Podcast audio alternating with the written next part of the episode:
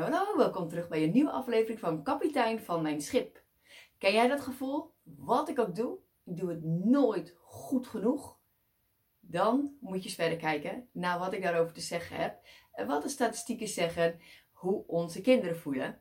En uh, ik vond het shocking. Uh, een openbaring voor mij en ik wil het heel graag met je delen. Maar voor ik dat natuurlijk ga doen, uh, wil ik je heel graag helpen herinneren aan de verdiepende workshop. Die gaat beginnen na de zomervakantie over emoties boos, bang en bedroefd. Hoe wij onze kinderen kunnen begeleiden daarin. En um, tips en tricks ga ik met je delen. En ik uh, beloof ontzettend uh, interessante workshop te geven, te worden. En ik heb er heel veel zin in om je daar te ontmoeten. Dus meer informatie en voor opgaven zie je beneden bij de beschrijvingen. En www.kapiteinvanmijnschip.nl Oké, en dan ga ik nu verder ook met de statistieken. Deze komen van, uh, vanuit, vanuit Amerika.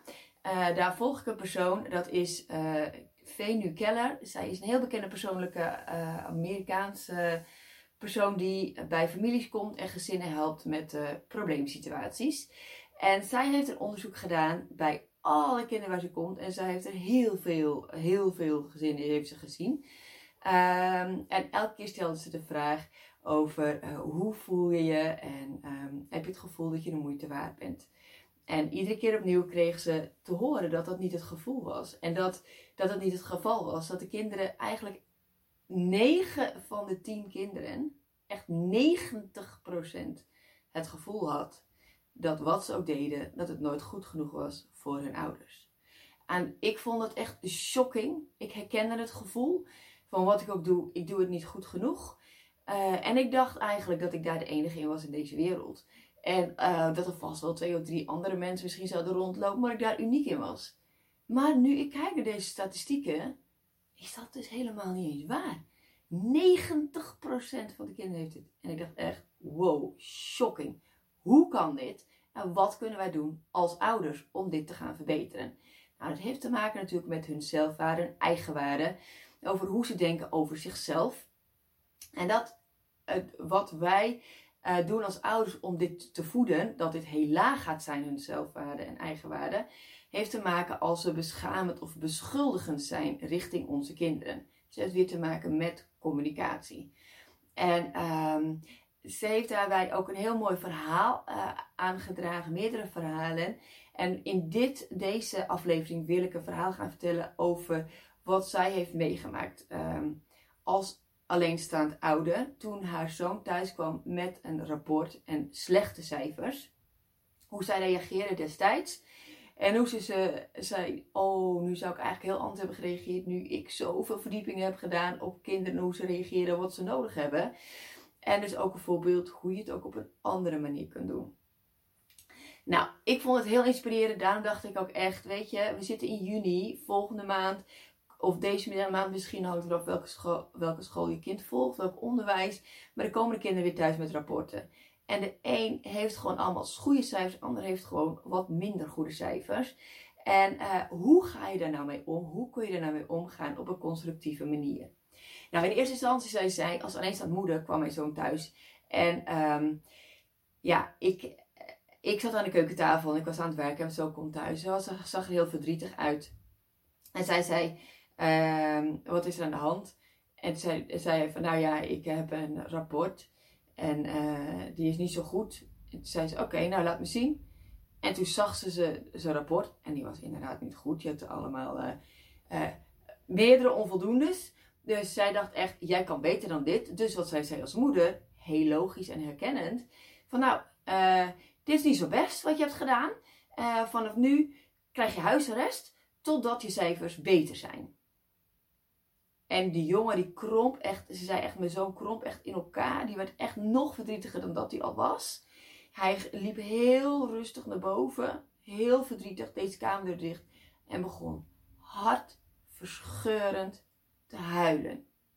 Ze zegt, het ging me echt door merg en been. Maar, als alleenstaande moeder, zegt, ik dacht op dat moment echt dat ik het beste deed. Ik had het idee dat mijn zoon wel beter kon. En ik wilde dat het er gewoon uit zou komen. Beter nu uiteraard een beetje pijn. En dan later straks geen goede baan. Dit was allemaal uit pure goede intentie en goede bedoelingen dat zij dat deed. Dus zij is er ook niet boos omdat ze heeft gereageerd, maar ze heeft er wel van geleerd. En dat is wel iets wat ze dus, heeft, uh, wat ze dus nu ook deelt met de wereld. En uh, wat ik dus nu ook graag deel met jou. Want zij zegt, als het scenario zich nu voor zou doen, dan zou ik aan de keukentafel zitten en zou het er uh, ongeveer als volgt uitzien. Ik zou zien dat mijn kind verdrietig thuiskomt. En ik zou opmerken van, hé, hey, je ziet er verdrietig uit, is er iets? En dan zou mijn zoon zeggen, ja, ik, ik heb een rapport gekregen en ja, um, ik denk niet dat je zo heel erg blij gaat zijn ermee. Nou, dan zou ik mijn hand uitsteken en dan zou ik zeggen van, nou, mag ik het alsjeblieft even zien? Want ik zou uiteraard interesse tonen, want daar is natuurlijk, dat is alleen maar hartstikke goed. Dus laat maar eens zien, die rapport dan. En dan zou ik inderdaad zien dat hij meerdere voldoendes heeft.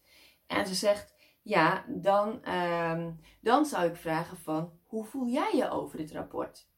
En dan zal hij waarschijnlijk zeggen, nou, eigenlijk niet zo heel erg gelukkig over dit rapport. Um, en dan zou ik hem vragen van, ben je niet zo gelukkig over dit rapport omdat je bang bent voor mijn reactie, omdat je bang bent om mij als moeder teleur te stellen?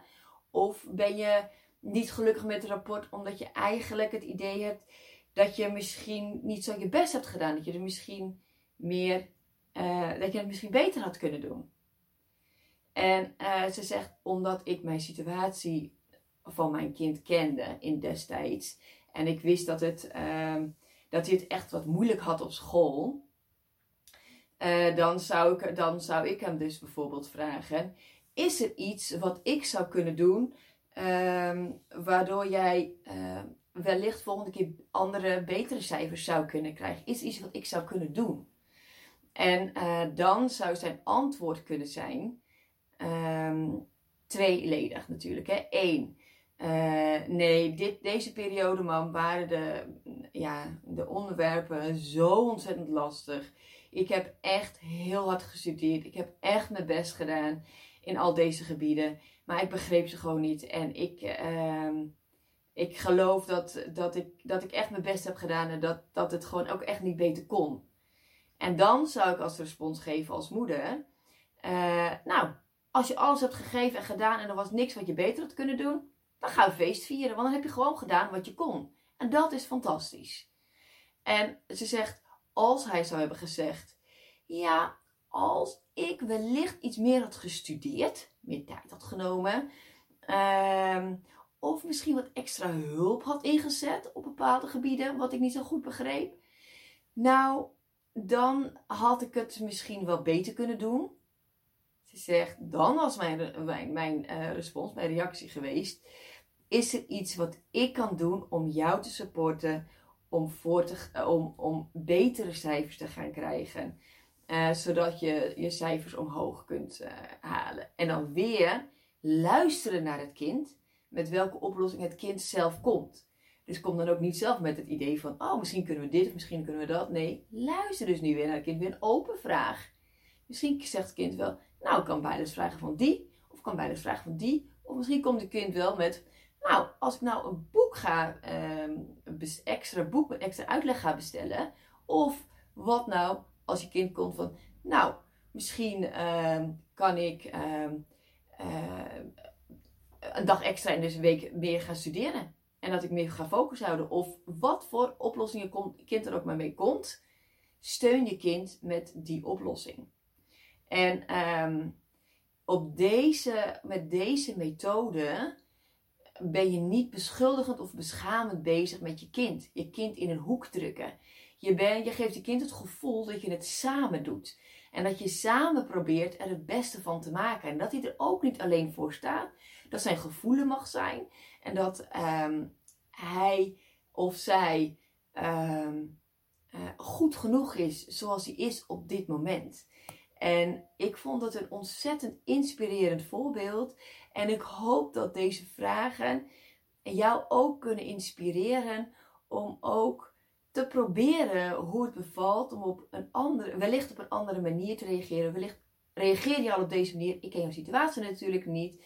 Nou vertrouw je erin op, op je eigen gevoel dat jij het als ouder ehm, gewoon het beste met je kind voor hebt. En dat je daarom ook niet hard tegen jezelf hoeft te zijn, maar liefdevol voor jezelf mag zijn. Dat je aan het leren bent. Ook als ouder aan het leren bent. Als je kind aan het leren is, ben jij aan het leren als ouder. En geef jezelf ook die ruimte.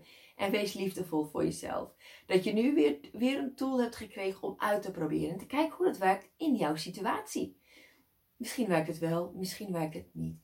Kijk vooral naar jezelf en vertrouw op je eigen instinct als ouder. En uh, ik weet dat jij dit kunt en ik heb er alle vertrouwen in. En ik wens je heel veel succes en vooral heel veel plezier in deze reis als ouder. Geef jezelf de tijd en de ruimte en wees geduldig met jezelf. Dan uh, kom je het verst. En uh, dit was het voor vandaag. Volgende aflevering weer een nieuw voorbeeld. En uh, dan hoop ik je daar weer te zien.